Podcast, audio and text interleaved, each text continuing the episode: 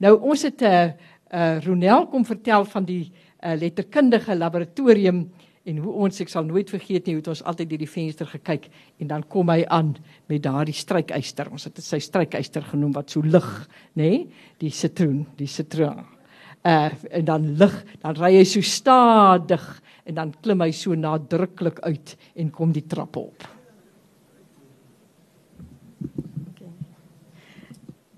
Dankie Dorothea. Ek wil graag uh, drie uh, staaltjies vertel wat uh, Opperman se meer menslike kant miskien uh, sal illustreer.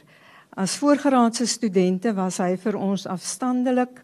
Ons het groot bewondering vir hom gehad vir sy intellek, vir sy die skerpte van sy gees, vir sy vernuf, vir sy kreatiwiteit. Ons het so op 'n afstand na his master's voice geluister, maar tog soms iets te wete gekom of te hore gekom van sy menslikheid en van sy humor. Soms was dit nie direk nie, maar verhale wat ons gehoor het. So het ons gehoor dat hy eendag 'n een bietjie laat opgedaag het vir die gebruikelike oggendtee sessie. En Anetron, een van die assistente, het 'n boodskap gehad wat sy aan hom moes oordra van 'n professor van geskiedenis en geskiedenis was 'n vlak hoër as die departement Afrikaanse Nederlands.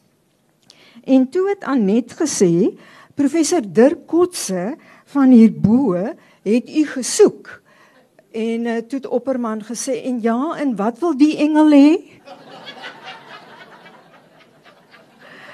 Ehm um, wat toetse betref uh, was daar nie vraestelle nie. Die assistente het die vrae op die bord geskryf of Opperman.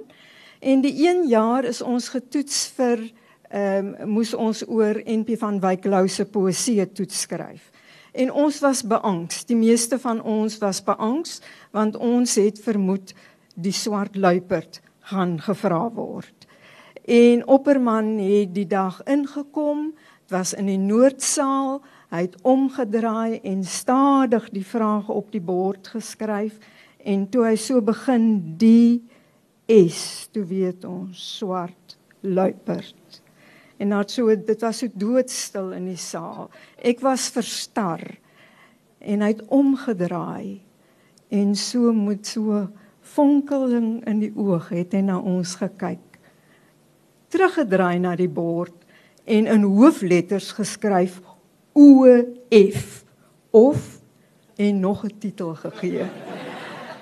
Wat daardie gedig was wat ons toe die meeste van ons daardie aand uh, waarskynlik beantwoord het wat ons bespreek het, kan ek tot vandag toe nie onthou nie. Maar ek onthou die skertsoog en ek onthou sy bifokale blik. Wat die letterkundige laboratorium betref, ja, Opperman het ons uitgenooi. Ons moet nou gedigte produseer en ons was in die skadu van Fanie Olivier ons klasmaat. In so 'n mate Fanie het onmiddellik 'n klomp verse ingelewer by Opperman. En uh, niemand anders nie en Opperman het toe gekom en gesê hy het ons toe opgekommandeer en gesê julle moet nou verse uit julle laaie haal of julle moet nou verse skryf wat ons toe nou met 'n verwoede ywer probeer doen het. Die meeste van ons was nog nie eers het het nog nie eintlik veel geskryf nie, maar ons het al klaar aan skrywersblok gelei. Ehm um, nou ja, hy het vir ons het die resep geken, die raad wat hy vir ons gegee het, skryf weg van jouself, kamoufleer jou emosies, soek 'n objektiewe beeldkorrelaat. Ons het dit geken, maar natuurlik om dit te doen was nie so maklik nie. En so het daar een student het toe gesit en die dag 'n bietjie raad op gewees en haar oog het geval op haar wekkertjie. En sy het besluit om hierdie wroeginge van die jong vroue siel uh, nou te transponeer na die wekkertjie en so 'n daar 'n gedig ontstaan met die titel Nou. Nou kom ons in Opperman se klas. Ons daar was 6 studente en twee buitemense wat nie eintlik in die derdejaars klas was nie. Dis 'n klein kring, ons sidder elke dag. Jy het nie geweet vir wie hy nou gaan vra om die gedig te bespreek nie. Hy het nie dit die uh, ek het vanmiddag weer na die bundeltjie gekyk Dorothea, daar was 26 gedigte daarin. Uh jy het nie geweet wie se gedig aan bod gaan kom nie en jy het nie geweet wie die bekritiseerder moet wees nie. En toe sê hy vandag is dit nou. Nou gaan nou bespreek word. En die student wat die gedig geskryf het, het daar gesit met 'n gesidder en die persoon wat die gedig moes bespreek was ene Christo Botha.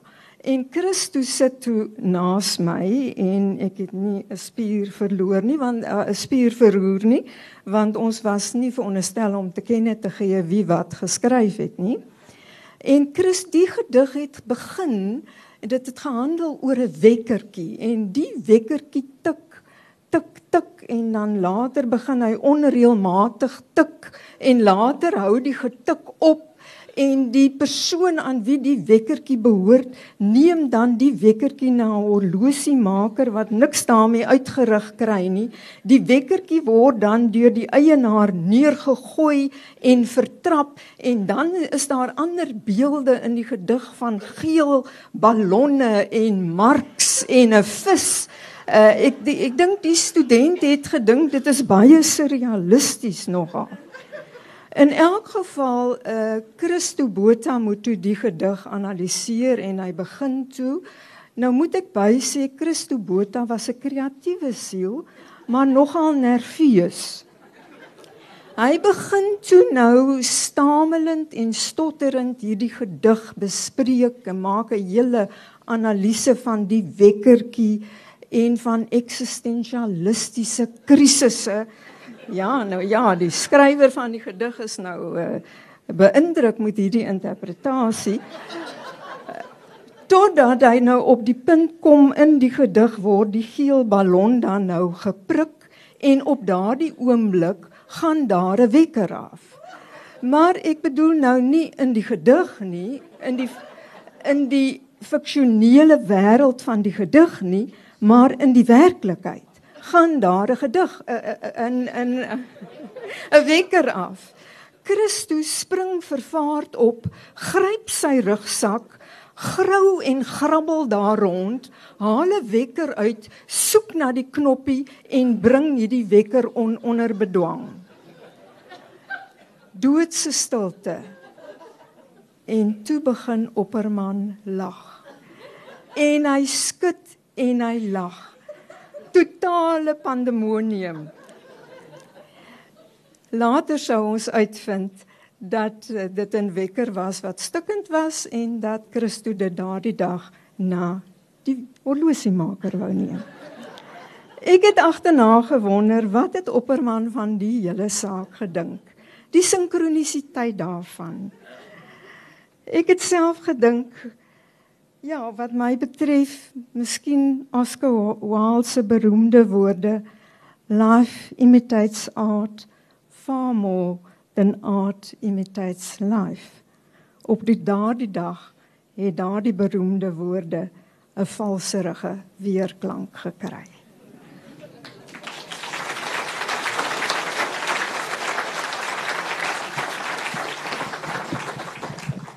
Nou dames en here, dit het ons ook meegemaak met Opperman. Ek moet sê dit was een van die plesierigste klasse en ek moet sê dit was nie 'n slegte gedig daar in die Ronel.